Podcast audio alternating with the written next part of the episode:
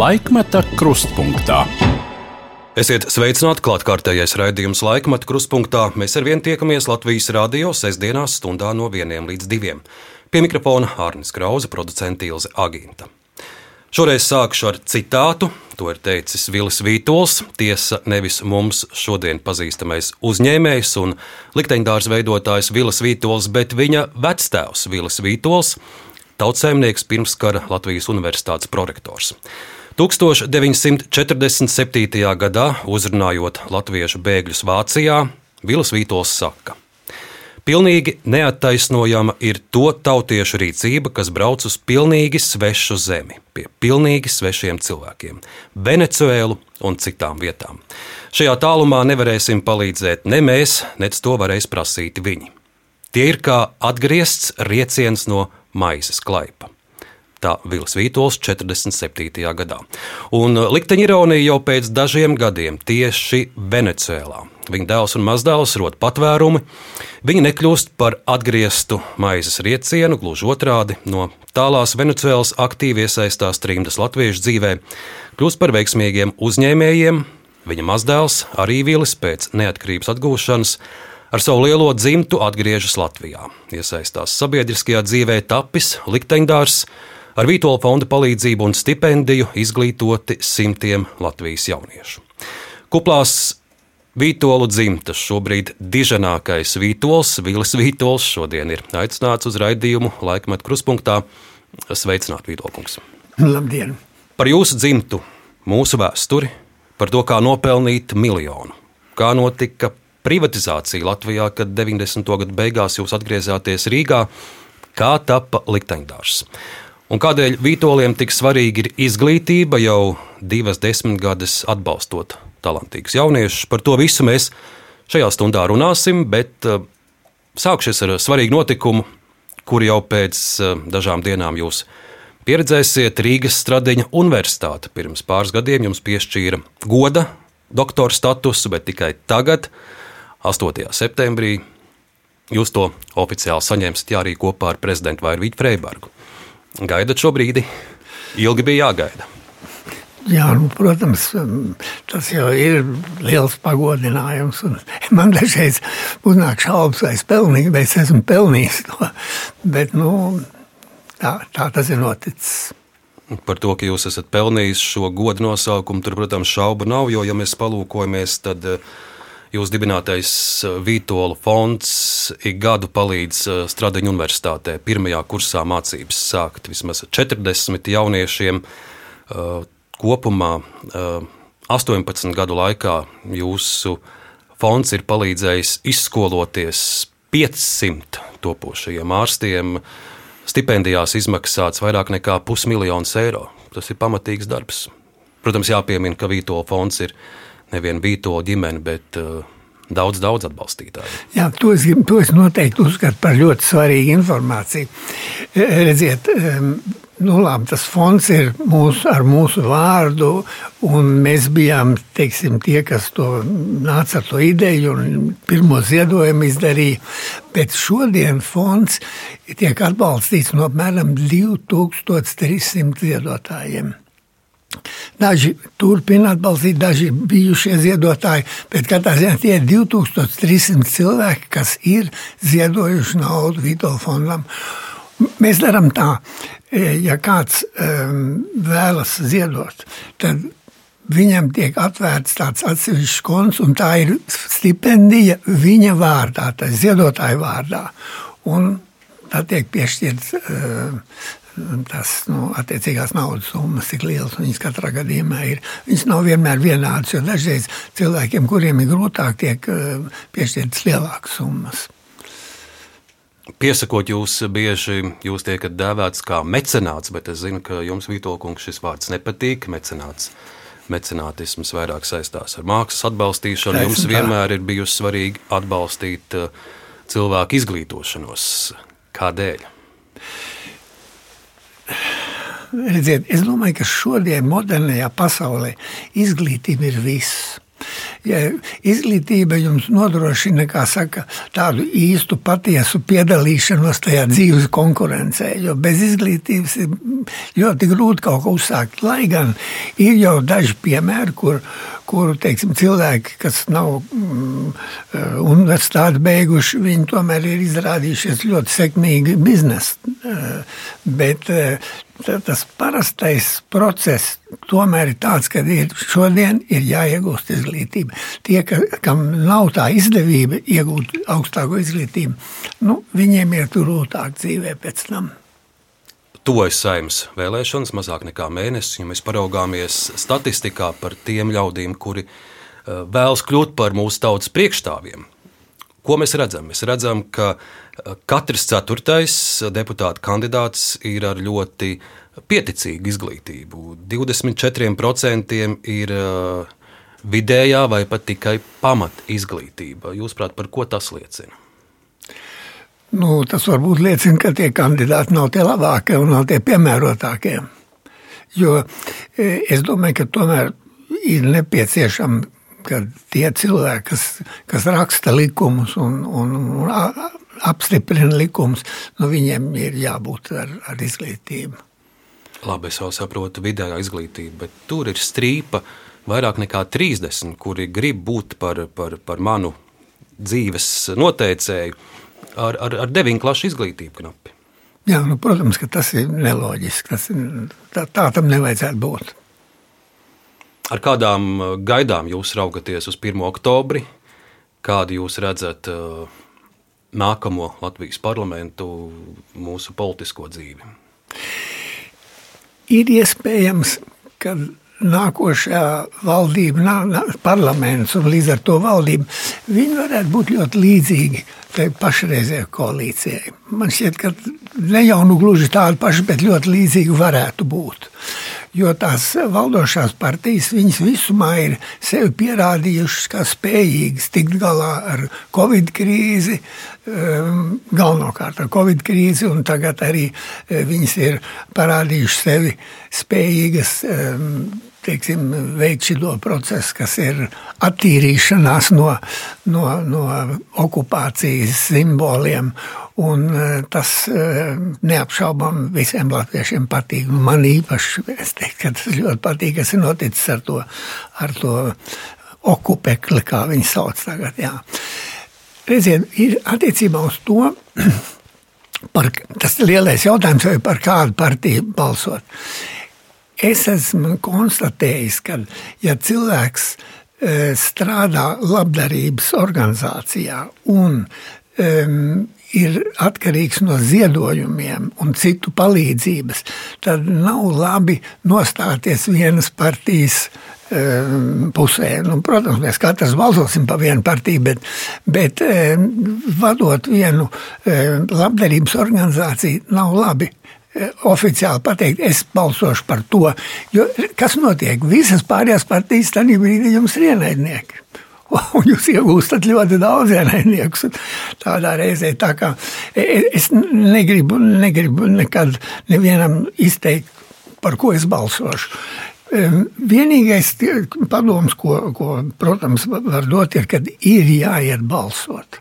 Ir jāiet balsot, jo katra nenodota balss, viena daļa no tās nenodotās balss iet Latvijas ienaidniekiem. Tā ir jāiet balsot.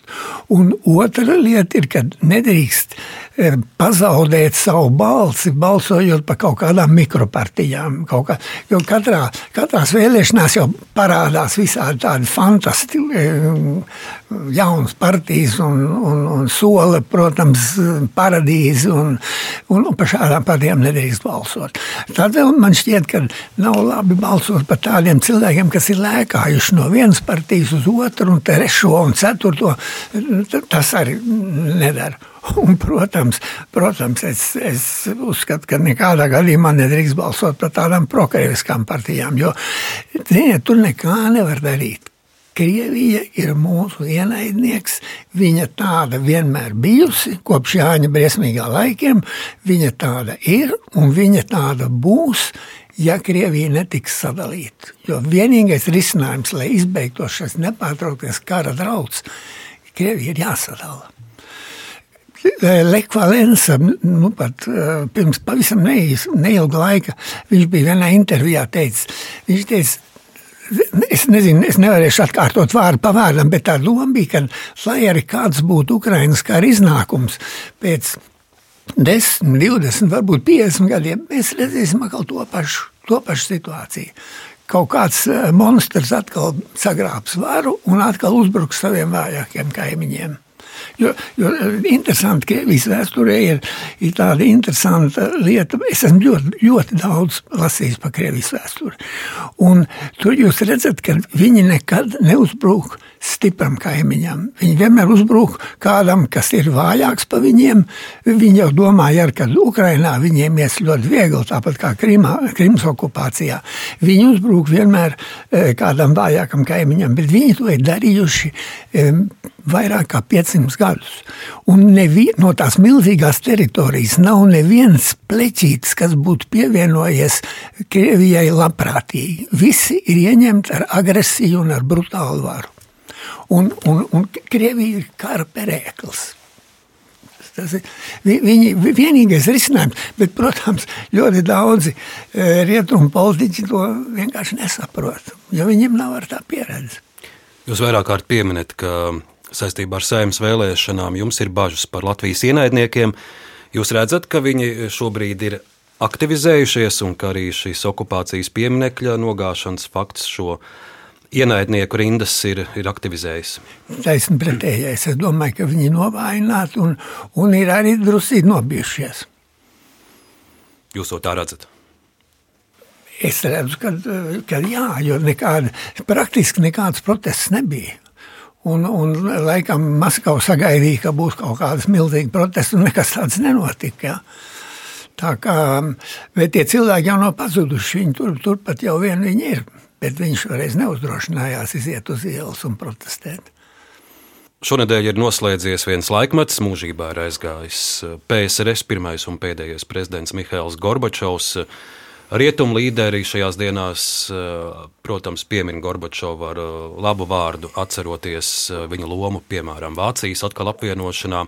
Baltiešiem šeit ir cits skats. Mēs ļoti labi atceramies Gorbačova lomu mūsu neatkarības centienu slāpēšanā.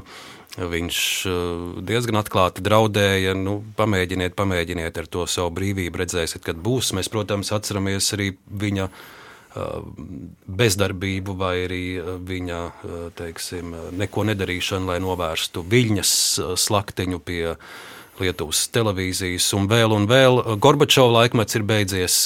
Kā jūs redzat, kā un kad beigsies Putina laikmets? Man ir tāda pārliecība, ka Putins nepārdzīvos šo karu. Es esmu diezgan, diezgan pārliecināts par to. Ne jau es nezinu, kādas būs viņam tās beigas, vai viņi vienkārši atstās no amata, vai kāds viņu uh, nobendēs, vai uh, viņš būs spiests aizbēgt. Es nezinu, kāds tas, kāds tas beigas, bet, bet Putins šis kars, kad beigsies, tas būs arī Putina beigas. Tā ir man pārliecība. Bet nu, nākotnē rādīs, vai, vai šī pārliecība ir pareiza vai nē. Es neredzu, ka, es neredzu, ka Putins varētu turpināt valdīt Krievijā pēc tam, kad karš beigsies. Jo karš noteikti beigsies ar lieliem zaudējumiem Krievijai. Lieliem zaudējumiem. Un, un Krievija, redziet, visur, visur tomēr beigās mēs nonākam pie tā, ka tas Krievijas iekšējais koprodukts un NATO valsts iekšējais koprodukts NATO valsts koprodukts ir 40 reizes lielāks nekā Krievijas koprodukts. Un tas pamazām, pamazām, pirmā brīdī, nē, pirmā brīdī viņi tur pa miera laikiem saražojuši daudz uh, raķetes un lielgabals un tā tālāk. Bet jo tas karš ilgāk ies, jo vairāk šie, šis, ekonomiskais, eh, šis ekonomiskais faktors, ja tā ekonomiskā realitāte, ka tā valsts ir 40 reizes mazāka potenciāla ziņā, nu, tas laik izpaudīsies. Un, nu, liela kļūda ir, kad, kad viņiem, no viņiem joprojām tiek pirkta nafta un gāze. Nu, tā ir nauda, kas, un, ziniet, nauda priekš kara vešana ir viss. Es, es esmu daudzreiz citējis tādu, tādu feldmaršalu eh, Monte Kukolī, kas vadīja austriešu spēkus cīņās pret arābiem. Arābi musulmaņi iebrukuši un jau taisa grasījās ie, ieņemt vīni. Un e, tas Montekukuli viņš sakāva ar, ar uz pusi tik lielu karaspēku. Un pēc tam Austrijas ķēders viņam jautāja, nu, Feldmāršā, kas ir vajadzīgs, lai uzvarētu karu? Un viņš saka, ziniet, majestāte, ir vajadzīgs trīs lietas - nauda, nauda un nauda. Un tā ir, ir lielā patiesība. Kamēr Putinam ienāk um, nauda par gāzi un, un, un uh, naftu, nu, viņš, jau, viņš jau turpinās karot. Viņš turpinās karot. Jūs pirms brīža minējāt, ka Krievija ir mainīta tikai tās sadalīšana.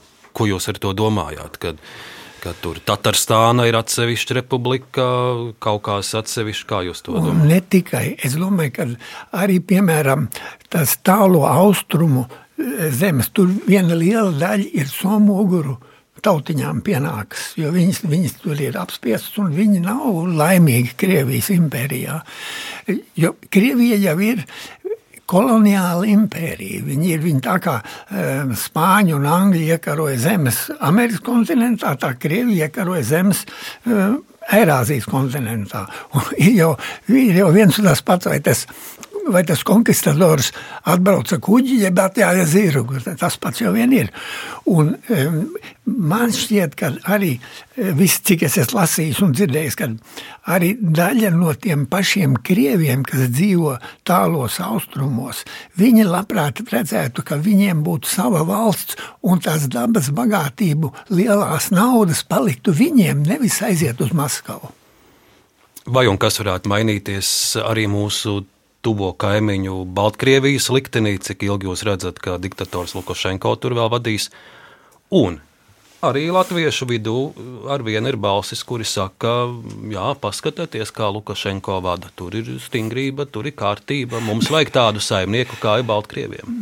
Tādas balsis arī ir. Paskatieties uz viņu, uz viņu ekonomiskiem rezultātiem. Viņi jau, viņi jau dzīvo, viņi jau samaksāt, nevar samaksāt Krievijai par, par naftu un to.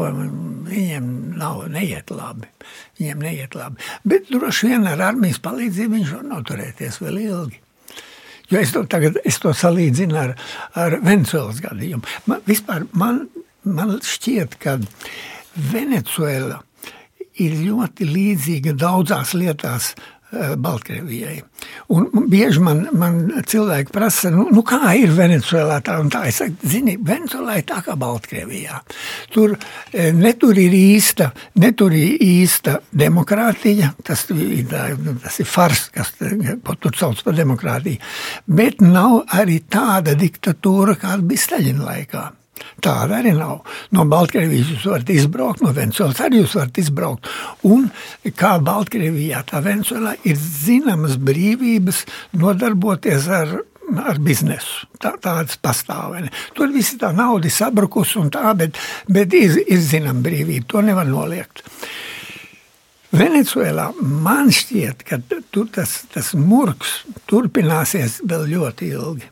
Es par, es par Baltkrieviju es nezinu, lai, lai kaut ko tur izteiktos, bet Venezuelā viņš turpināsies ilgi, jo, e, jo redziet, viņiem neskatoties uz to, ka tā, ka tā ekonomika ir sagrūvusi praktiski, viņiem tomēr joprojām viņi pārdod diezgan daudz naftas, un par to ienāk liela nauda. Tā nauda nesadalās visai tautai, tā kā piemēram Norvēģijā, kur tiešām nu, tas, kas ienāk no, no naftas, tas tiek, tiek visai tautai. Nē, Venezuelā tas tiek vienai kliķei, kas ir ap Maduro, ap to prezidentu. Tiem iet ļoti labi. Tiem iet ļoti labi. Un viņi, un tāpat arī armija. Ziniet, par armiju tas ir tāds neticams lietas, ko, ko stāsta par armiju. Es jums nevaru simtprocentīgi galvot, ka tas tā ir, bet, bet nu, tā izskatās, ka tā ir. Armijai ir nodots, armijas rokās ir nodots narkobizness. Un, un, protams, tie labumi nāk galvenokārt tiem lieliem ģenerāļiem, bet nu, tur arī mazie gariņi kaut ko vienmēr nopelna. Nu, piemēram, lai dabūtu, jo Venezuelā narkotika tiek ievest no Kolumbijas un iet tālāk uz Savienotām valstīm un uz Eiropu. Un, lai, lai piemēram, to narkotiku dabūtu iekšā lidmašīnā, kas lido uz Franciju, Vāciju, vienalga. Tur jau ir muita un tur ir kontrols. Tur ir tie cilvēki, kas to varētu apturēt. Nu, viņi tajās dienās tiek aizsūtīti mājās. Kā, un redziet, kamēr, kamēr teiksim, tā armijas e, augstie virsnieki, ne jau visi, piedodies, es negribu teikt, ka visi ir tādi, ne, bet pietiekoši daudz, kamēr viņi to režīmu atbalstīs, tikmēr tas Maduro režīms pastāvēs. Un, ja mēs redzam, teiksim, ja mēs skatāmies uz tādu komunismu vēsturi, nu, Krievijā komunisms izputēja pēc 70 gadiem. Kubā pašlaik ir jau gandrīz 60 gadi komunisms, un izskatās, ka viņi pamazām, pamazām, pamazām tas sāk brukt. Ja tā, tad Venezuelai stāv priekšā ļoti nepatīkams scenārijs, jo viņi tie, tie komunisti pie varas apmēram 20 gadus, un, un, un tad jau vēl 50 gadu tur var vilties tas pats, kas tur ir šodien. Viņi to ekonomisko pusi mazliet ir uzlabojuši, tas taisnība. Es pieļauju, ka daļa ļaudis klausoties mūs šobrīd spriež, ka, lai viņi tur dzīvo savā Venecijā vai Baltkrievijā, kā viņiem tīk, mums šobrīd daudz svarīgāk ir jārūpējas par to, kāda mums būs ziema. Kāda būs ziemā izdzīvošana, kas būs ar energoresursiem. Šobrīd jau daudz tiek runāts par to, kā un ko taupīt. Kādu jūs paredzat šo ziemu uh, Latvijai un Latvijas iedzīvotājiem? Es domāju, ka kaut kādu atrisinājumu atradīs. Kaut kāds atrisinājums būs, mēs, mēs nenosalsim. Pilnīgi noteikti. Jo cilvēku prāts ir ar milzīgiem resursiem un gan jau izdomās kaut ko. Šīs nedēļas valdības lēmums būvēt skultē sašķidrinātās gāzes terminālu, jūsuprāt, uh, prātīga rīcība, to vajag darīt vai vajadzēja jau sen darīt? To noteikti vajadzēja darīt. Projekts liels un, un, un nauda liela, vai Un parasti jau Latvijā tā, tā tradīcija mums ir tāda, ka mēs lielām aizdomām skatāmies tur, kur ir liela nauda.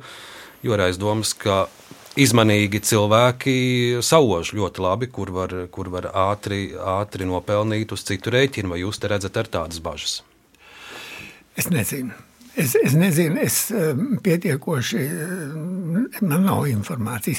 Vienīgais, ko es teiktu, tā, ka, cik es saprotu, tā ehm, ir virši tie degvielas pārdevēji. Viņi ir iegādājušies kaut kādu vai piekto vai ceturto daļu, un tie, tie ir kārtīgi, godīgi cilvēki. Tie ir no nulles uzbūvējuši vienu milzu uzņēmumu. Vieši. Šodien tas ir viens milzu uzņēmums, kurš sekmīgi konkurē ar Circle K. Nu, praktiski tas ir viņiem ir palicis vienīgais konkurents. Un, un, un viņi, eh, nu, es viņiem vēlu to labāko. Es viņiem vēlu to labāk. Tie, tie ir kārtīgi latviešu cilvēki. Viņi ir iegādājušies uzņēmuma reģistrā, var redzēt. Man, man liekas, ka bija ceturtā daļa, ja piektā daļa. Tas, tas, tā ir tā pozitīvā lieta. Bet jūs, prāt, te būtu arī ļoti rūpīgi žurnālistiem visiem tagad jāsako līdzi, kas ap šo projektu būs, kas te ar naudām notiks, ar visu? Nu, protams, protams, ka jāsako. Lai tas, lai tas saka, nepārvēršās par, par, par tādu, tādu operāciju kā OIK, jeb kaut kas tāds. Sarunas turpinājumā par to, kā Latvijā lietas tika kārtotas 90. gados, 2000. gadu sākumā. Atminēsim epizodi jūsu atgriešanās Latvijā pēc daudziem Venecijā aizvadītajiem gadiem, kādu jūs ieraudzījāt 90. beigās Rīgu, kādu jūs ieraudzījāt mūsu biznesa vidi, mūsu politiku, jo Eh, jums bija iespēja arī eh, uz kādu brīdi iesaistīties eh, dažādos sabiedriskajos procesos. Jūs kļuvāt par Latvijas energo padomus priekšsēdētāju. Jūs varējāt redzēt, kā Latvijā notika privatizācija un citas lietas. Ko jūs toreiz ieraudzījāt? Ziniet, mēs, mēs sākām braukt uz Latviju 1978. gadā. Un tad, kad es pārcēlos, kad mūsu ģimene pārcēlās visa uz Latviju, Tas bija 1999. gadā. Tā bija, mū, tas bija mūsu mana 23. brauciens uz Latviju. Un man jāsaka tā, ka Sākot no 78. gada, katru reizi, kad es atbraucu Latvijā, es redzēju, ka kaut kas ir uzlabojies. Pat okupācijas laikos bija slikti, bet kaut kas bija drusciņi uzlabojies. Un, un teiksim, 90. gados visa, tās, visa tā mežonīgā privatizācija un tas Nu, eh, savā ziņā tas, tas ir loģiski, ka tā notiek pēc, pēc, eh, pēc diktatūras, un, un, un tad veikli cilvēki, kas ir bijuši arī tajā diktatūras režīmā, eh, saka, kuriem bija zināma pozīcija, ka viņi, viņi izmanto to. Tas tā notika, jā, privatizācija jau bija. Ierodoties Latvijā, jums, protams, arī ir miljonāru status, un ātri vien jūs nokļūstat arī šos, šajos dažādajos miljonāru topos. Es palūkojos 2003. gada uh, žurnāls Klubs, uh, ikgadējais Latvijas miljonāru saraksts. Tad, nu, ja mēs tagad ar 20 gadu atstarpi paraugāmies uz tiem uzvārdiem, kas jums toreiz tur ir blakus, tad te ir Kargins, Krasovickis, Mihails Uļmans, Evers Lembergs, Šķēle, Guntis, Indriksons un tā tālāk. Nu, Redziet, Šlesers, jā, te ir minēts. Jā. Kā, kā jums bija justies eh, šajā kompānijā? Nu, es jau to kompāniju neizvēlējos. Ne? Um, bet jāsaka tā, ka paldies Dievam, šie cilvēki pamazam, pamazam viņi, viņi noriet tā. Un, un nāk tādi jauni, nu, tā kā mikrotika un, un bezgala, bezgala daudz jaunas kompānijas, kas ir sāk, cilvēki, kas sākuši no nulles, no nekā. Un, un viņi ir atraduši savu nišu, un viņi pamazam laika gaitā uzbūvējuši viena nopietna kompānija. Nu, piemēram, tie, tie paši virsmas, labs piemērs. Tad ir, man ļoti patīk viens tāds piemērs. Um, Sēlijā, kaut kur Sēlijas dienvidos, ir tāda liela izsole. Un to ir organizējis viens cilvēks, diemžēl es neatceros to vārdu, bet viņš, ir arī, viņš atbalsta Vitola fondu. Man vajadzēja atcerēties to vārdu, bet, nu, veca galva. Bet eh, viņš ir, iedomājieties, Kas, kas varētu iedomāties, ka no lielopu pārdošanas var uzbūvēt vienu biznesu, un ka cilvēki brauc uz tām izsolēm no visas Eiropas. No visas Eiropas. Un viņiem ļoti labi ir. Un galvenais, viņi, viņi dod iespēju tam mazam zemniekam, kuram varbūt ir viena, divas, trīs gotiņas. Kad ir pienācis tas brīdis, kad viņš viņu grib pārdot, viņš viņu nodod tam izsoļinājumam, un tie pārdod. Es saprotu, jūsu vēlējums ir, lai nākotnē mums šāda veida miljonāri ir vairāk sarakstos, nevis tie privatizācijas miljonāri, kas nu, bija protams, nu, protams. Bet tie privatizācijas miljonāri, mēs domājam, ka viņi, viņi pamazam, pamazam tā arī. Par, norietēs, es teiktu. Par privatizāciju būs mūsu arī šīs dienas raidījuma pirmais arhīva ieraksts. Ir 2003. gada augusts un ar negaidītu pārbaudi tiek pārsteigta privatizācijas aģentūras vadība. Šo pārbaudu sarīko partijas jaunais laiks pārstāvja aģentūras padomē.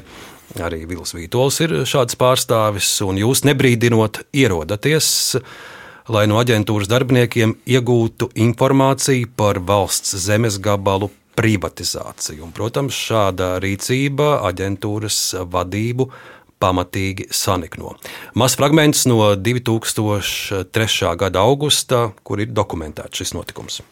Mums visu laiku tikai atkārto vienu dziesmiņu, dažādām melodijām, bet ar tiem pašiem vārdiem. Un tie vārdi, tas ir likumīgi, tas ir likumīgi, tas ir likumīgi. Bet eh, redziet, ehm, tas galvojums, ko Latvijas energo iedeva par desmit miljoniem bankai Baltijai, tas arī bija likumīgi. Lūk, šāds fragments. Uh, kā jau jūs te minat, daudz kas varbūt pat arī notika likumīgi, bet cik izdevīgi valstī? Ļoti daudz kas notika likumīgi, bet neētiski. Tā ir tā lieta. Nu, minēt dažus piemērus. Es tādu sitienu, es, es piemēram skatos tas vēju parku um, afēru pie grobiņām. Tur taču, tur it kā tie, tie, uzstādītie, tie uzstādītie ģeneratori, nu viņi, viņi bija jāpārdod vairākiem cilvēkiem, bet beigās šķiet, ka viņi visi nonāca šķēles rokā pašās beigās. Nu, tas jau droši vien bija likumīgi, tur viss tika nokārtots tā, kā vajag. Ilgāku laiku jūs bijāt arī Latvijas energo padomes priekšsēdētājs. Nākamais arhīvu fragments arī no 2003. Eh, gada sākuma. Un stāsts ir par to, ka Latvijas energo padome izvērtē uzņēmuma prezidenta Kārļa Miķelsona darbu. Jums tur ir garas sēdes. Mēs zinām arī uh, Kārlim Miķelsonam vēlākos gados, ar ko, ar ko tas viss beidzās, tiesa un tā tālāk. Bet, uh, Tas arī tajā brīdī ir paliels skandāls un arī mazs fragments no 2003. gada, kur jūs runājat kā Latvijas energo padomas priekšsēdētājs. Mēs vienkārši gribam mierīgi strādāt un, un, un, un saka, nu, tā apdomīgi izvērtēt situāciju un mierīgi nonākt pie lēmuma. Bet mēs, es personīgi es neesmu pieradis pie šādām situācijām, un es izjūtu drausmīgu spiedienu. Man nākas secināt, ka tas ir politisks process. Vitoļkungs, tagad pēc 20 gadiem, vai jūs varat atklāt, kas kuru tur spieda, kas īsti notika, kādas bija tie tās situācijas, ko, ko publika neredzēja. Jā. Uz manis spiedienu izdarīja Kalvīša kungs.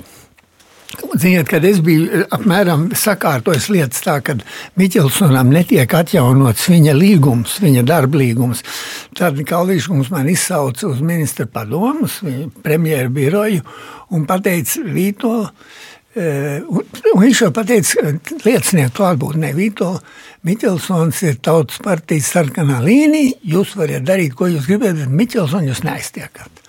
Es negaram teikt, ka tie vārdi bija simtprocentīgi tādi, bet tā doma bija.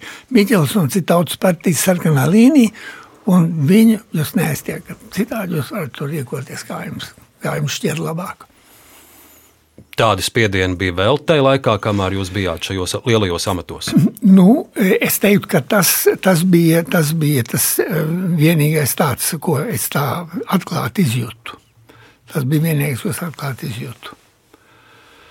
Citādi jau ikdienas darbu mums mēs varējām veikt eh, bez tādām, bez lieliem spiedieniem.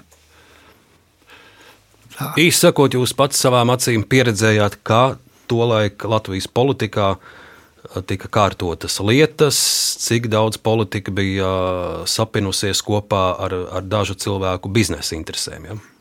Jā, vēl, vēl viena lieta, ko es atceros, kas bija tāds nu, spiediens, um, kad um, es, es gribēju kaut ko darīt, kaut ko, lai nu, uzlabotu situāciju. Jo, teiksim, tā doma, kāpēc es vispār pieņēmu, jo jaunais laiks man ielika tur. Repš droši vien aicināja. Repš, jā. Mhm. Un, un tā doma bija, ka nu, visi, visi zināja, ka tur notiek visādi šeftes un, un nu, mēģināt kaut ko uzlabot. Un vienā gadījumā, kad es kaut ko e, gribēju darīt, tad es atceros, ka mans, mans draugs Stokenbergs teica, tu zini, ja tu to darīsi, tad nākošā dienā tevi iesūdzēšu, tev personīgi. Jā. Tas, tas bija vēl viens tāds spiediena brīdis. Vai pat tā kā draudi? Drauds, ne, nepārprotam drauds, jā. Ja lietas eh, pirms 20 gadiem Latvijā netiktu kārtotas tā, kā jūs to redzējāt, eh, tagad pēc 20 gadiem eh, mēs Latvija būtu daudz varenāki, daudz turīgāki, kāda būtu mūsu dzīve tagad, ja, ja tolaik daži nejauktu valsts kabatu ar savējo? Ziniet, varbūt bija jāiziet cauri šim periodam. Varbūt, ka, jo lietas jau ir ārkārtīgi uzlabojušās visur, visur visā Latvijā. Un, un visās valsts institūcijās lietas ir ļoti, ļoti uzlabojušās. Tā kā varbūt vajadzēja iziet eh, cauri šim periodam, es nezinu. Vajadzēja ļaut šiem cilvēkiem nopelnīt tos nu, miljonus? Nu, kā saka, nu, bēdīgi jau ir, kad tie ir, tie ir patiesībā, eh, tā varētu teikt, mums visiem Mums visiem, visai tautai nozagta nauda. Um, bēdīgi ir, vai ne? Bet nu, to jau tagad vairs nevar nekādu mainīt. Tas nav iespējams. Nu, par dažiem no tā laika varoņiem pēdiņās jau tiesvedības notiek vēl Jā, šobrīd. jā, jā, jā. Tas jā. Un par dažiem nenotiek un vajadzētu notikt. Kādēļ tas viss velkās tik gari, tik lēni, kādēļ mums Ziniet, tiesas ilgs 10, nu jau pat 15 gadus? Es domāju, ka tur iespaido eh, visādas draudzības, draudzības saites, bet iespējams arī nauda. Ļoti iespējams, ka tur iespaido nauda. Un arī, protams, Lemberga kunga prāvas gadījumā, nu, protams, ļoti labi advokāti, kas izmanto visu, ko tik nu var izmantot. Un, un tā, bet arī izskatās, ka arī šī prāva visumā jau tagad tuvojas beigām. Salīdzinot ar laiku pirms 20 gadiem, korupcija Latvijā ir, ir mazinājusies. Noteikti, noteikti. Korupcija noteikti ir mazinājusies. Par to, par, par to, gan, nu, to jau mēs ikdienā piedzīvojam. Ka, piemēram, kad nu, kādreiz toreiz um, satiksmes policija apturēja un vajadzēja um, dažos gadījumos, nevienmēr, bet dažos gadījumos bija jādod tas piecīts. Nu, tādas lietas vairāk nenotiek. Un, un es domāju, ka arī um, daudzās, daudzās citās jomās ir, ir tāda ir kārtība un, un godprātīga rīcība.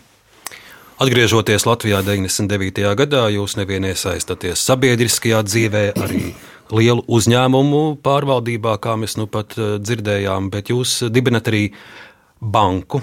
Māras banku, tā gan, protams, salīdzinot ar eh, pārējām, bija tajā Niecīga. lejas galā. Niecīga. Un, un, un pārsvarā, es saprotu, ar, ar, ar hipotekāro kreditēšanu jūs nodarbojāties. Un, un pēc kāda laika arī eh, šo banku jūs pārdodat. Arī mazs fragments runājot par jūsu vadīto dibināto Māras banku.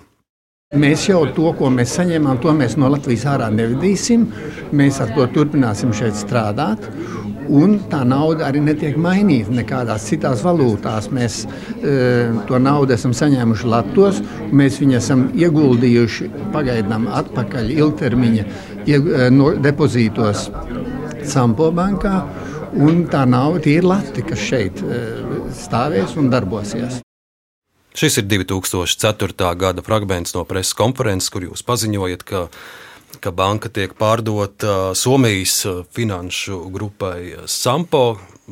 Kādēļ toreiz pieņēmāt šādu lēmumu un kā jūs kopā, kopumā praudzītos uz, uz banku lietām Latvijā? Mēs zinām, šeit ir liela skandināva ietekme, bet mums ir bijušas arī pamatīgas banku krīzes, lieli banku nesmukumi.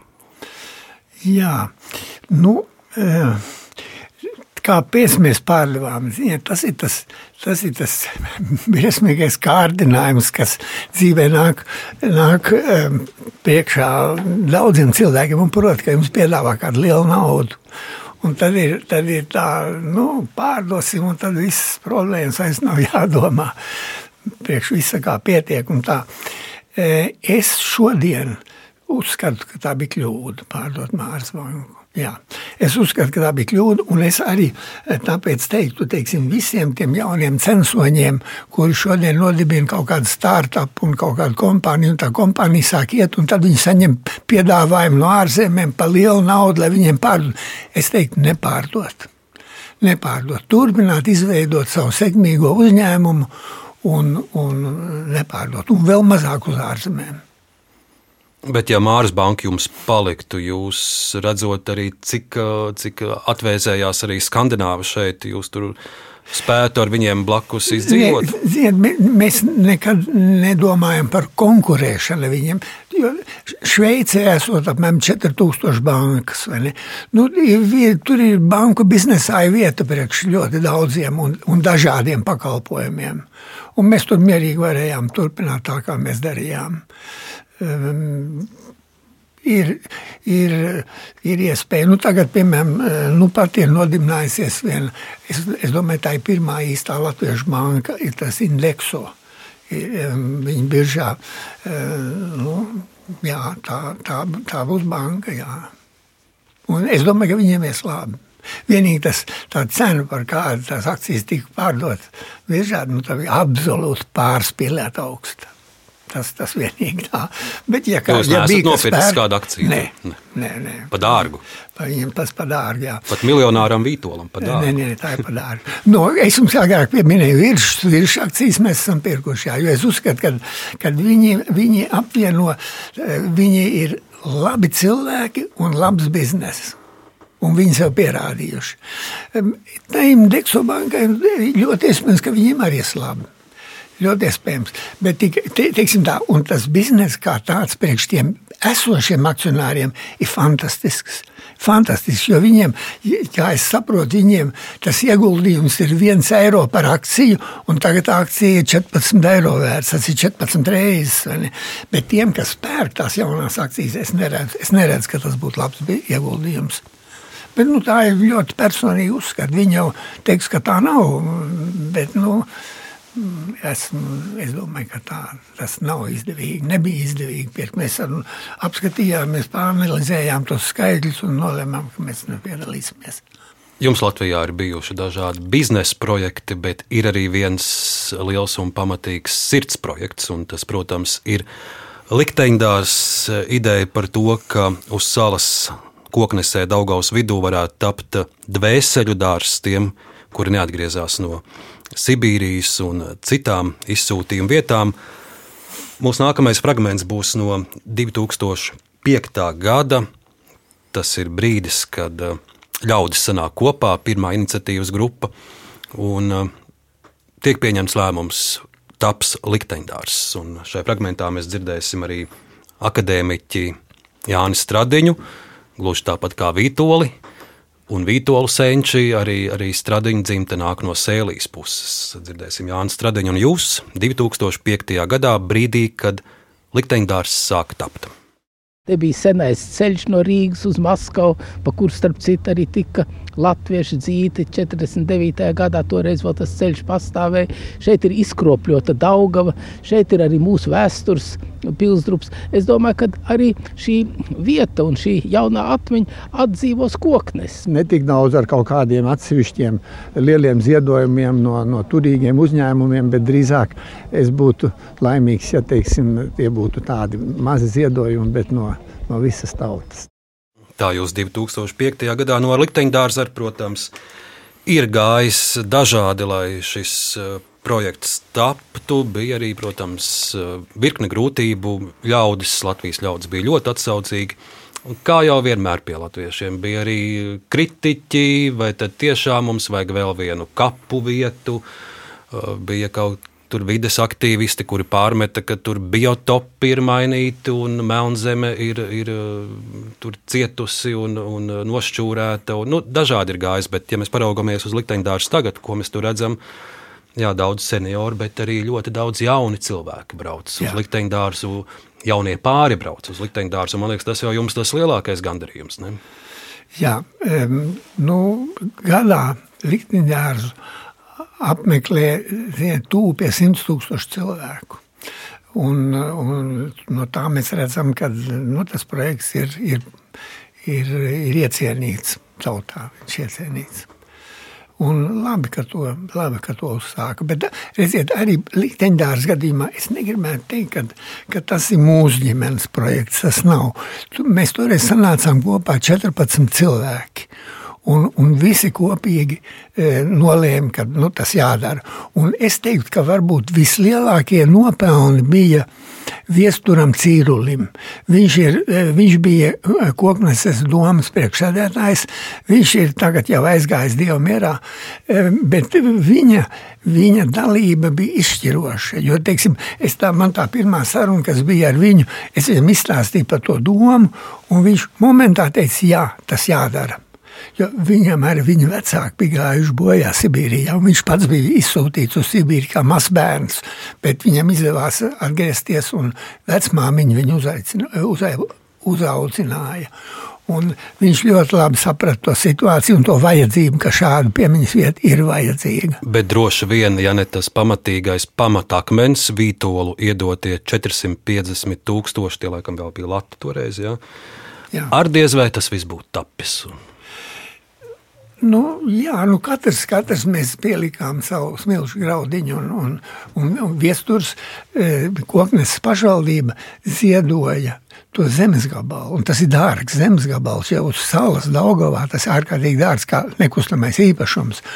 Un, un e, toreiz mums tā vienošanās ar viesturu bija tāda, ka e, notaksēsim to zemi un tad mēs ziedosim tikpat daudz naudā. Un tā arī notika. Tā arī notika.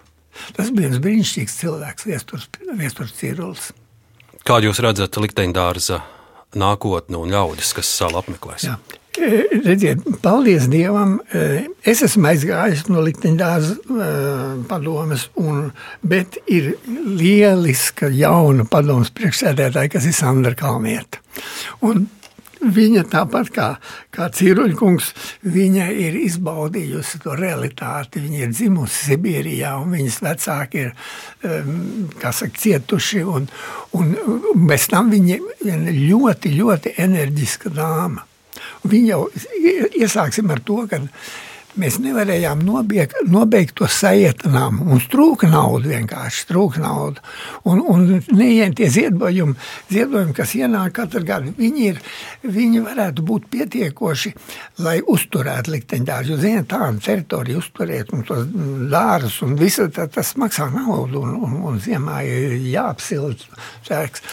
Um, Bet mums bija apstājusies tā būvniecība, sajētnām būvniecība bija apstājusies, tieši naudas trūkuma dēļ. Un Kalnietes kundze to jautājumu sāida kārtībā. Viņa, viņa dabūja tos līdzekļus, un eh, es teiktu, ka tas sajēdnams ir, nu, varētu teikt, 99% viņas nopelns. Likteņdārzā tiek pieminēti ļaudis, kuri devās uz Sibīriju, kur savu dzīvību atstāja Sibīrijā. Uh, Vitokungs redzot uh, jūsu dzimti, jūsu ģimeni. Tas bija vien veiksmīgs eh, likteņa pagrieziens, jo arī jūs savu bērnību, pusauģa gadus varējāt pavadīt Sibīrijā, ja ne tiešām eh, iespēja bēgļu gaitās doties uz, uz Vāciju pēc kara. Vai jūs par to esat kādreiz domājis? Kā nu, būtu pagriezies? Mana dzīve būtu bijusi pilnīgi citāda, un es varbūt vispār būtu dabūjis galu eh, kā bērns Sibīrijā. Bet eh, tas viss, viss bija ļoti daudz laimīgas sagadīšanās. 14. jūnija izsūtīšanā eh, mūsu ģimene arī bija sarakstos. Bet mēs visi bijām kaut kādi izdalīti pa, pa mājām un, un, un teiksim, tādās adresēs, ko, ko nezināja. Te, čeka, jeb kas no viņiem bija tie izvedēji. Un, un tā mums nevienu neizveda. Pēc tam, kad ienāk vācieši un kad Krievi atkal tojās, tojās Latvijas robežām, mans tēvs aizgāja brīvprātīgi. Viņš jau bija samērā vecs priekš militārā dienas, bet viņš pieteicās kā brīvprātīgais leģionā un mūs uzlika uz kuģi un, un aizsūtīja uz Vāciju. Es atceros, ka viņš mums, mums, teiksim, mūs izglāba tāda auklīte Trīna Riekstiņa, kas bija nu, zelta cilvēks. Zelta Jūs viņu saucāt arī par katiņu. Ja? Katiņa, jā. jā. Un, un viņa, mūs, viņa pa visu rūpējās, viņa rūpējās pa visu. Un, jo mamma bija ļoti slima, viņa tur viņu operēja pa priekšu Prāgā, tad vīnē, un tā ļoti, ļoti, ļoti slima viņa bija. Un eh, tēvs bija pateicis tā, tēvs bija pateicis tā, jūs brauciet Vācijā uz to vietu, kas ir vis tālāk no Krieviem. Tas, tas, bija, tas bija tas instrukcijas. Un mēs arī nonācām, mēs nonācām Alpos, kas patiesībā e, ir jau Austrija, kas vairs nebija Vācija. Mēs nonācām Alpos, e, tādā mazā, mazā miestiņā, un es katru dienu skatījos, kā tūkstošiem amerikāņu bumvedēji lido pāri. Un, e, bet mums jau nemeta bumbas virsū. Tad nu šī ir mūsu sarunā īstā vieta vēlreiz man atgādināt citātu, kur ir teicis jūsu vectēvs Vilis Vītols. Um, šo citādu es atradu laikrakstā Tēvzeme, 1947. gads. Um, stāsta par to, ka profesors Vils Vītols pārņēmis Latvijas centrālās komitejas vadību, un viņš uzrunā bēgļus uh, vienā no bēgļu nometnēm šo nometni sauca Valka. Un tad, tad citāts vēlreiz. Mums nav iebildumu pret tiem emigrantiem, kas brauc pie saviem piederīgajiem uz Latviju. Mums vienīgi jārēķinās ar to, ka mūsu kopai Vismaz pašreiz viņi zūd. Bet pilnīgi neattaisnojama ir to tautiešu rīcība, kas brauc uz pilnīgi svešu zemi, pie pilnīgi svešiem cilvēkiem, Venecuēlu un citām vietām, Šajā tālumā nevarēsim palīdzēt ne mēs, ne to varēs prasīt viņi. Tie ir kā atgriezts rieciens no maizes klaipa. Ja emigrēsim, tad jācenšas visiem emigrēt kopīgi. Kas attiecas uz mūsu kopdzīvi, tad svešā zemē starp svešiem cilvēkiem mūsu uzvedībai jābūt jo sevišķi priekšzīmīgai. Te vairs nespriež par atsevišķu cilvēku, bet spriež par visu tautu. Mums sevi jānostāda kultūrāls tautas stāvoklī. Paldies Dievam, latvieši līdz šim tādi bijuši, un par mums ir labas atsauksmes kā no frančiem, tā no amerikāņiem un angļiem. Tā ir teicis Vilis Vītols, jūsu vecāks. Diem, diemžēl mans vecāks ļoti maldījās šajā jautājumā. Jo tas nebija, tas nebija iespējams neko tādu panākt, ko viņš, ko viņš vēlējās. Tas bija nereāli. Tas bija pilnīgi. Un viņš pats bija to pašu Vencelu, ko viņš piemin. Viņš bija, jo viņš negrib, beig, beigās visi, visi tie viņa radi, viņa trīs bērni ar mazbērniem, visi brauca prom. Viņš, ne, viņš negribēja viens pats Vācijā palikt, jo viņa, mūsu vecmāte nomira, viņa sieva nomira pēc pāris dienām pēc iebraukšanas Vācijā ar vēzi. Viņa jau, kad brauc prom no Latvijas, viņa jau bija tā terminālā situācijā. Un, kad vectēvam nu, kad parādījās tā realitāte, kad viņš paliks vai neviens pats, nu, ko viņš vairāk varēja darīt. Bet, bet redziet, tajā 47. gadā droši vien nevelti viņš piemin to Venecēlu. Viņam jau ir nojauta, ka varbūt kāds no vītoliem uz to Venecēlas pusi raugās. Varbūt, es nezinu. Jā. Man, man bija 14 gadi mm. toreiz. Es, es, man neviens neko neprasīja, un, un arī nestāstīja. Bet katrā ziņā skatoties atpakaļ, skatoties atpakaļ, vectēvs kļūdījās. Vecāks kļūdījās. Nedaudz arī parunāsim par uh, jūsu dzīvi Venecijā. Un, uh, Turpinājumā arī viens uh, mazs fragments, audio fragments no 2012. gada Latvijas radio raidījums Monopols. Un, um, tur par jums izsakās viens jūsu labs draugs no Venecijas laikiem, uh, zinātnieks, ķīmiķis, nu jau mūžībā devies Pēters Bolšaits. Paklausīsimies!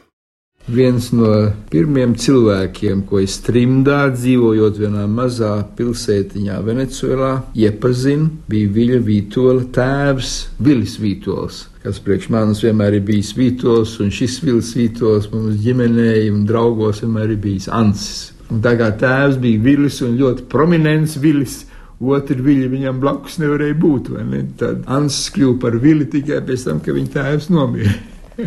Mēs dzīvojām ļoti tuvu, vēlāk bijām pat kaimiņi pāri par ielai. Ansis bija ārkārtīgi nopietns cilvēks. Tā kā tāds paraugu cilvēks mums visiem toreizējā Venecijas latviešu jauniešu sabiedrībā, jo viņš bija pirmais, kas beidza universitāti, protams, kā labākais savā klasē pirmais, eh, kas uzsāka ļoti nopietnu biznesu, bet katrā ziņā tas bija viens tāds sekmju stāsts no sākuma līdz galam. Un ne tikai viņa personīgie panākumi, es domāju, ka Ansis, kā es viņu saukšu, bija dzinulis un balsts visai latviešu sabiedrībai Venecijā. Viņš bija galvenais balsts latviešu baznīcai. Viņš gādāja, lai latviešu skolā bērniem būtu skolotāji, kurus viņš atveda un algoja. Viņš eh, dažādos veidos, parasti anonīmi, atbalstīja visus ārzemju latviešu centienus attiecībā uz Latvijas neatkarības atgūšanu. Tā ir tāda pašapziņa. Varbūt tas ir kaut kas, kas mums visumā varbūt trūkst mūsu sabiedrībā un cilvēkos ir tāds pašlepnums. Un viņš to dara, man liekas, ar lielu atdevu un prieku. Viņš ir ārkārtīgi izcils tēvs. Un tagad vectēvs, un man liekas, drīz jau būs vecvectēvs. Viņš ir vienmēr savu ģimeni ārkārtīgi labi turējis kopā, audzinājis. Es domāju, ka vairāk no cilvēkiem vispār nevar prasīt. Tas ir katrā ziņā vēlu viņam vislabāko, lai viņam vēl iznāk citi labi projekti. Nu, lūk, jūs pats pēc dabas kautrīgas būdams par sevi nemaz tik daudz nestāstiet. Te, nu, pirms uh, desmit gadiem Pēters Bolšaits par jums pastāstīja. Es teiktu, ka viņš drusku pārspīlē. par ko tad? Es domāju, ka tā. Tas svarīgākais cilvēks, kas, kuram bija vislielākais iespējas eh, Venecijas latviešu grupā, bija mans tēvs, Nēs. Jo tā bija viņš, viņš, viņš tur visu daudz lietas eh, sakārtoja. Un, Un, nu, piemēram, es jums vienu piemēru izstāstīšu. Mums bija tā būvfirma, un mums bija daudz apakšu uzņēmēju. Jūs vairāk nekā 5000 dzīvokļus esat ar tēvu kopā Apmēram kaut ko būvējuši. tādu, jā, kāds simts dzīvokļu ēkas. Un vismaz pāris tilti.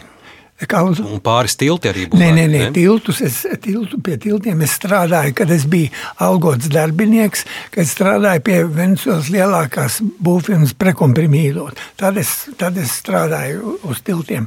Un patiesībā man pamat izglītība, varētu teikt, tā ir drīzāk tā. Bet labi. Bet um, atgriežoties pie, pie tēva, tā viena piemēra, kā, kā viņš palīdzēja, mums bija tie apakšuzņēmēji mūsu būvfirmai. Un um, dāmu komiteja vienreiz gadā rīkoja tā saucamo pavasara tirdziņu.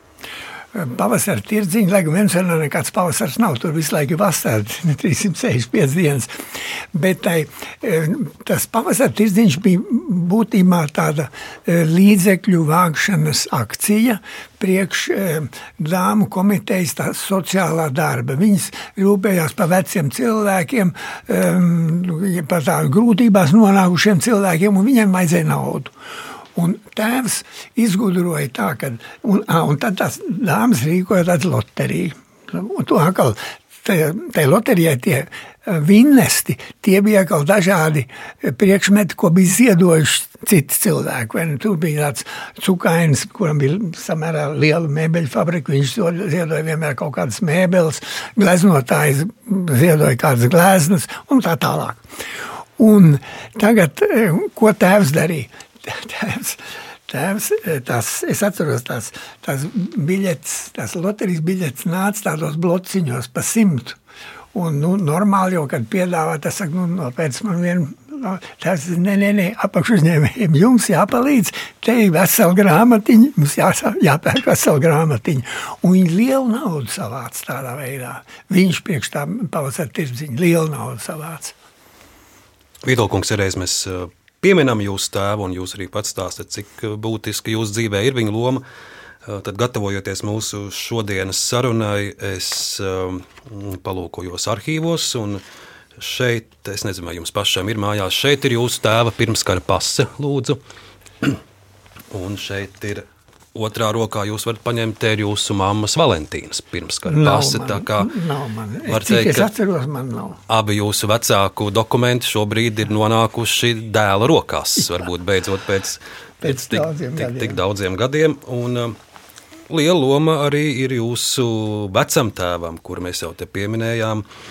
Arī Vilim Vitolam, un arhīvos es atradu jūsu vecātēvu pasi, izdotu neatkarīgās Latvijas pašā, pašā dzimšanas sākumā, 20. gadā. Lūk, vai bildē atpazīstat, vai tas ir jūsu vecais tēvs, lūdzu? Jā, tas ir mans vecais tēvs. Nu, Pēc tam es ļoti droši esmu par to, ka es atpazīstu viņa parakstu. Viņam tāds īpatns paraksts bija. Ar, viņš visu mūžu parakstījās tā vecā stilā ar dubultu V un ar nevis I garumzīm, bet IH. Un, nu, tā no vāciešiem, ka- kas agrāk bija. Tā, tā ka to nav ne mazāko šaubu, ka jā, tā ir viņa, tā ir viņa pasa.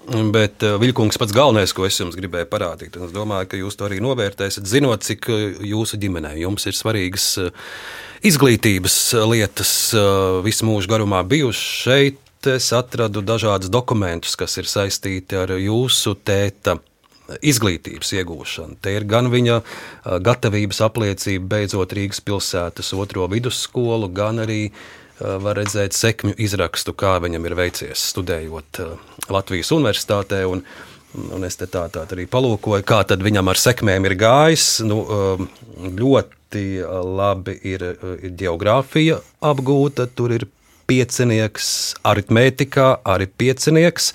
Vājākas sekmes uh, Vilim Vītolam, senioram, ir ķīmijā, dabas zinātnēs. Tur ir, tur ir knaps trīnieks. Lūk, tā, tā jūs tētim ir gājis. Šo es arī jums nododu. Nē, nu, tēvam tā studēšana bija tāda diezgan uh, es nezinu, kādu vārdu lietot, bet viņa nebija mierīga. Viņa nebija mierīga. Un tur uh, mazliet uh, iespaidoja to iespaidoja Selonija, jo viņš bija ļoti aktīvs studentu korporācijā Selonijā. Selonija viņam bija sirdslieta līdz pēdējai dienai, mūžu, līdz mūžu pēdējai dienai. Un, nu, viņa, tie jaunie Seloni, ja jau to lietu ņem tā nopietni, tad jau, tad jau daudz laiks patērēt. Un arhīvā dokumentos pats pēdējais uh, dokuments saistībā ar jūsu tēvu un studijām ir no 41. gada februāra, kur ar rektora pavēli viņš tiek izsvītrots no Latvijas universitātes. Droši vien uh, skaidrs, ka, ka ja, kā mēs runājām, ja nebūtu iespēja ar kuģi braukt prom, būtu virziens uz austrumiem. Pilnīgi noteikti. Jo tēvs vispār izglābās, tāpēc, ka e, viņam bija jau dota kaut kāda pavēle, es nezinu, kur un kā, ka, ka viņš jāapcietina.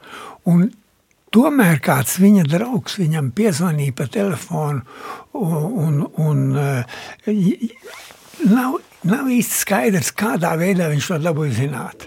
Jo ir es esmu dzirdējis ar citu versiju, ka viņš pienāca pie Latvijas ielas 75 pie tās mājas, un tā kundze, kura vadīja veikalu apakšā pirmajā stāvā, viņa izgāja ārā un pateica, Vili, nu pat atnāca divi cilvēki tādiem melniem ādas mēteļiem, un viņi augšā gaida tevi.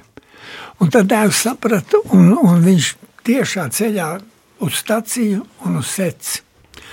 Un, un viņš slēpās vairākus mēnešus. Viņš slēpās mežā tur, un tad viņš e, pa naktīm nāca uz kampāniem, un viņa māsīca Anna pakāra e, pie, pie sijas, pakāra vienu maisiņu ar ēdienu, un tā viņš izturēja to, tos mēnešus tur mežā. Un kampāni ir e, Vīto dzimtas, dzimtās mājas seces pusē. Jā. Mājas ir joprojām? Mājas ir joprojām. Tur dzīvo gan, vītoli? Nē, viņas ne. ir bēdīgā stāvoklī. Viņas pieder, tās mājas pieder Ivaram Vītolam, kurš dzīvo Kanādā.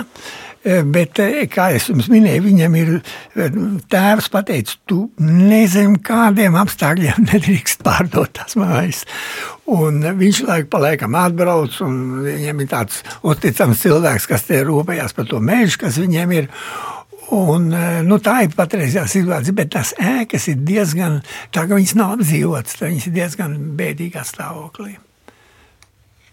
Cik liela loma jūsu dzīvē ir bijusi arī jūsu vecam tēvam, arī Vilim Vītolam? Nu, Kā jau es minēju, viņš bija arī Latvijas Universitātes prorektors, jā. aktīvs bēgļu kustībā. Mums bija ļoti sirsnīgas attiecības. Un, un to var redzēt arī no tā, kad, kad vectēvs nomira Sietlē. Viņš, viņš, kad, redziet, viņš atbrauc pa priekšu uz Venecuēlu kopā ar mums. Bet tad Kubā nāca pie varas Castro un ļoti daudz latviešu e, sāka baidīties, ka arī Venecuēlā var notikt tāds komunistu apvērsums un no tiem 600 latviešiem, kas ieceļoja sākotnēji Venecuēlā, apmēram pusi 300 aizbrauc prom. Starp viņiem arī mans vectēvs un arī viens mans brālēns, Andris Kleinbergs.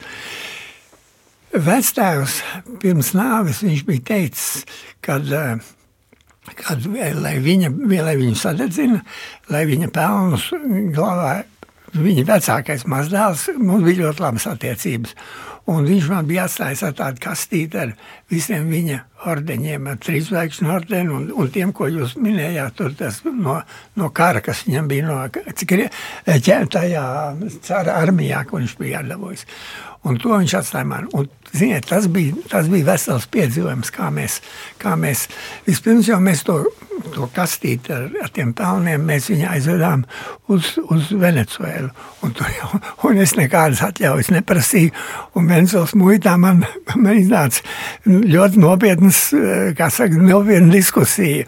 Kas jums nu, tur somā? Somā jā, man vecais tēvs. Nu, toreiz tā, toreiz tā narkotikas biznesa nebija tik tā, ka neviens šodien varbūt būtu teikuši, ka man kaut kāda narkotika tur iekšā. Bet, nu labi, mēs glabājām viņus, un tad viņš bija atstājis ar tādu ziņu, ka, lai tos pelnus apglabā blakus viņa mātei. Un neviens nezināja, neviens neatcerējās, kur viņa māte ir apglabāta. Un, ziniet, mums pagāja 16 gadi no tā brīža, kad mēs tos pelnus saņēmām Sietlē, līdz tam brīdim, kad viņas um, apglabāja uh, Jaunjelgavas kapos. Mums pagāja, kamēr mēs atradām, kur ir apglabāta tā viņa. Un tas bija ar gan zināmā veidā tāda sagadīšanās dēļ mēs to atradām. Bet nu, es tikmēr arhīvā atradu jūsu vecā tēva dienesta aprakstu, un šeit patiesi ir minēti arī šie cara armijā saņemtie apbalvojumi, gan Svētā Staņislava, trešās šķiras ordenis ar pakāpēm, gan arī Svētās Annas ordenis. Un, uh, nezinu, cik jūs daudz pats par vecā tēva armijas gaitām zinat, bet es šeit es ļoti smalki ir pa mēnešiem aprakstīts, ko viņš ir kurā gadā darījis. Un, Neko piemēram, daudz es nezinu, bet tie ordeņi, es viņu. Nu, tad, piemēram, jūs šodien uzzināsiet, ka jūsu vecais tēvs no 1914. līdz 18. gadam ņēma dalību kaujās pret Austriju un Vāciju. Viņš ir nogājis ļoti garu kara ceļu. Šeit ir arī uh, pieminēta gan Polijas teritorija, un Viļņa un Bresteļtovska, un viņš pat arī bijis ir Krievijā līdz Orlai aizdevies kara gaitās. Tā kā šeit būs Ļoti detalizēts apraksts liels par jūsu vecstāvu viļa kara gaitu. Kā izrādās arī liels, liels karotājs bijis. Jā, varbūt es nezinu. To jūs nezinājāt. Nezinu, nezinu pateikt. Jo tad, kad es viņu iepazinu, tad jau viņš bija mazliet gados. Tā. Jūsu dzimta ir ar bagātu pagātni, bet uh, kā Vils Vītols raugās uz uh, Vītoliem nākotnē? Arī tagad jums ir ļoti, ļoti kupla ģimene. Nu, viena no manām sāpēm, ka, par ko man tiešām sāp sirds, ir, ka apmēram puse no mūsu 14 mazbērniem, apmēram puse dzīvo ārpus Latvijas. Un, protams, mana doma bija, ka, ne, ka mēs visi atgriezīsimies Latvijā un mēs visi strādāsim šeit un dzīvosim šeit. Bet, eh, diemžēl, nu, katram cilvēkam ir savi, savi plāni, savas izdevības un, Un, un, un tāda nu, mums ir tā situācija. Bet nu, vismaz puse no maziem bērniem ir šeit, un, un, un viņi sekmīgi visi beiguši savas studijas. Tā, tā, es, nevar, es, es teiksim, nevaru nevienu sliktu vārdu teikt par nevienu no viņiem. Nav, nav, nav ne dzeršanas problēmas, ne, nekas. Um, vienīgi nu, ir tā, ka ir, ir, ir viņi dzīvo ārzemēs strādā ārzemēs. Un tas jums sāp, ka viņi nav blakus? Ziniet, ļoti. ļoti. Par to esat ar viņiem arī runājis, kā viņi Jā. savas izvēles skaidro? Jā, es jau esmu runājis daudz, bet nu, grūti kaut ko. Un ko viņa vecam tēvam paskaidro, kādēļ, kādēļ pagaidām ārpus Latvijas? Nē, nu, tā, redziet, ir jau, ir jau tās darba iespējas. Ja jums piedāvā kaut kādu labu darbu, kaut kur ārzemēs, nu, nu, pat, nu pat notika tā. Nu, pat notika mūsu jaunākās meitas, kas saucās arī Marta. Viņas vecākais dēls, eh, Rikārdo, viņš, Marta ir precējusies ar vienu venecuēlieti. Un vecākais dēls nobeidza universitāti, elektroinženieris. Viņš ir nu, pat viņš nobeidza. Un viņam piedāvāja lielisku darbu, Procter un Gamble. Un, nu, es jau nevaru viņam prasīt, ka atmet to. Un, un viņš bija, viņam bija tāda interesanta, viņam bija tāda interesanta, e, viņš piedzima, Martai ir trīs bērni, un interesanti, viens ir dzimis vecākais eh, Savienotās valstīs, Indianapolis. Eh, otrs, kas ir meita, tā ir dzimusi Latvijā, Rīgā. Un trešā meita ir dzimusi Spānijā. Tā, viņa izdalīta pa visām malām. Un, eh, nu, tam, tam puikam viņš labi nobeidza universitāti, viņam piedāvāja labu darbu, ko es varu darīt. Un uh, valoda, kādā jūs sazināties ar visiem saviem mazdēliem un spāņu mazmeitām? Ar tiem, kas nerunā latviešu spāņu valodu. Ir, ir viena daļa, kas uh, arī dzīvo ārzemēs, bet tomēr runā latviešu. Bet ir daži, kas ir Un redziet, tur mēs nonākam pie tā, mēs nonākam pie tā punkta, ko es uzskatu par ārkārtīgi svarīgu. Skolām jābūt latviešu valodā. Tas ir vienīgais veids, kā panākt integrāciju, sabiedrības integrāciju. Jo es, es šeit esmu iepazinies ar vairākiem eh, manu mazdēlu klases biedriem. Viņi Latvijas krievi, bet jūs nevarat pateikt, ka viņš ir krievs. Nekādi. Viņš runā perfekti perfekti. Un, un arī viss tā mentalitāte, viņam ir latviešu mentalitāte. Viņš beidz pirmo gimnāziju un Latvijas. Tā kā e, paldies Dievam, ka tagad notiks tā, notiks tā nu, pārēja uz, uz visu izglītību. Latviešot, tas ir kaut kas ļoti svarīgs. Ar, ar ilgtermiņa sakām galvenais, ar ilgtermiņa sakām. Un, redziet, un, un tas attiec ar uz tiem maniem mazvēliem, tie, kas ir mācījušies ārzemēs. Nu, viņi ir viņi zuduši. Viņi, viņi ir zuduši Latvijai. Un tas nav tikai man. Es, es domāju, ka tas ir ne jau Bet visi. Redziet, visi. tad jau tas tomēr arī nedaudz sasaucas ar to, ko jūsu vecstāvs teica 47. gadā. Tur bēgļu nometnē arī viņam bija bažas, ka daļa latviešu plašajā pasaulē izšķīdīs un pazudīs. Jā, un tas notiek. Tas pamazām notiek. Bet ir, ir arī teiksim, tā, man viens mazdēls, kas ir um, trešai meitai Mārai. Viņai ir dēls Kristians. Un Kristians nobeidza arhitektūru Zagrebā, jo viņam tēvs ir, ir Horvāts. Un kas notika? Kristianam bija pa, pa vasaru, pa brīvdienām jāstrādā prakses nolūkos. Un Kristīne, mana vecākā meita, viņa toreiz strādāja pie arhis Tas ir pie Kronberga un Kleinberga arhitektūra birojā. Tā ir, domājams, vislabākā arhitekta filma Latvijā. Nu, tas ir ļoti subjektīvi, bet man, man tā liekas. Un um, Kristīna viņam sagādāja iespēju strādāt um, pie arhis. Um, un viņam ļoti iepatikās. Un tā, viņš nobeidz uh, tās studijas, viņš pārcēlās uz Latviju. Tagad pēc tam dabūja maģistra grādu arhitektūrā uh, Latvijā, Rīgā. Un, nu, viņš ir droši, kā saka, stabili iesēdies Latvijā un, un, gan uz dzīvi, gan uz strādāšanu. Un vai vecam tēvam var būt lielāks prieks kā šāds mazdēls stāsts? Jā, šis, man, šis ir stāsts, kas man ļoti iepriecina. Tiešām. Vītolkungs sarunas izskaņā, kā jūs raugaties nākotnē, redzot gan uh, savus mazbērnus, vītolu dzimtu, gan domājot par, par Latvijas tautu un Latviju kopumā?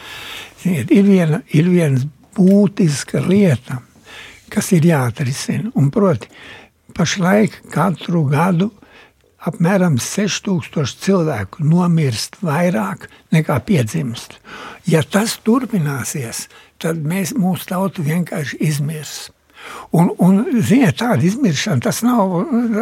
Es vienreiz lasīju vienā populārā zinātniskā grāmatā, ka no visām sugām, no visām sugām, kas ir dzīvojušas uz zemeslodes, sākot ar pašiem sākumiem, vairāk kā 99% ir izmirušas. Tā kā, um, un, un, redziet, un to, to demografisko bēdu, to, to problēmu var atrisināt, bet viņi, jā, viņi, lai viņi atrisinātu, tas jādara ar naudu. Diemžēl. Tāpat kā karavešana, arī, arī demogrāfijas problēmas risināšana. Ir jābūt ļoti spēcīgiem pabalstiem daudzbērnu māmiņām, ir jābūt pagodinājumiem daudzbērnu māmiņām.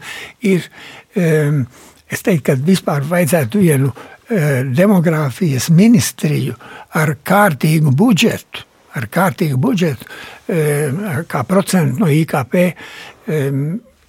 tā problēma ir risināma, un viņa dažās vietās pasaulē jau ir atrisināta. Pie mums nē. Un tā, tas ir kas man visvairāk uztrauc. Es, es esmu piemēram pārliecināts, ka militāri iebrukumi no Krievijas Latvijā nebūs. Nebūs, jo, jo, kā jau jau teicu, ja jūs iedziļināties Krievijas vēsturē, viņi nekad neuzbrūk stiprākam ienaidniekam. Un NATO ir nesalīdzināms stiprāks par, par Krieviju. Līdz ar to ne mums, ne, ne Polijai, nevienai NATO valstī, es esmu pārliecināts, ka nekas ne, nedraud. Protams, viņi turpinās visas tās sūdzības ar, ar kiberuzbrukumiem un ar cilvēku uzpirkšanu. Un, un, tas viss turpināsies, bet to mēs izturēsim. būsim stipri, un arī Vītola dzimtas stāsts ir stiprais stāsts. Vils Vītols, liels jums paldies šodien par sarunu raidījumā Laikmat Kruspunktā. Un īpaši paldies no tiem simtiem Latvijas jauniešu, kuru gan jūs personiski, gan jūs līdzbiedri šo 20 gadu garumā, kopš ir dibināts Vītola fonds, šogad paliek 20 gadi, jūs esat atbalstījuši daudzi jauni, talantīgi Latvijas iedzīvotāji ir izauguši arī pateicoties jūsu atbalstam. Vītola kungs, liels paldies! Paldies jums, Krausas kungs! Raidījuma autora Arnēs Krausa un Ilza Ginta par skaņu rūpējās Reinis Budze. Lejuplādējiet Latvijas radio lietotni un klausieties mūs arī savā vietā, runī, jebkurā laikā un vietā. Turpiniet klausīties Latvijas radio!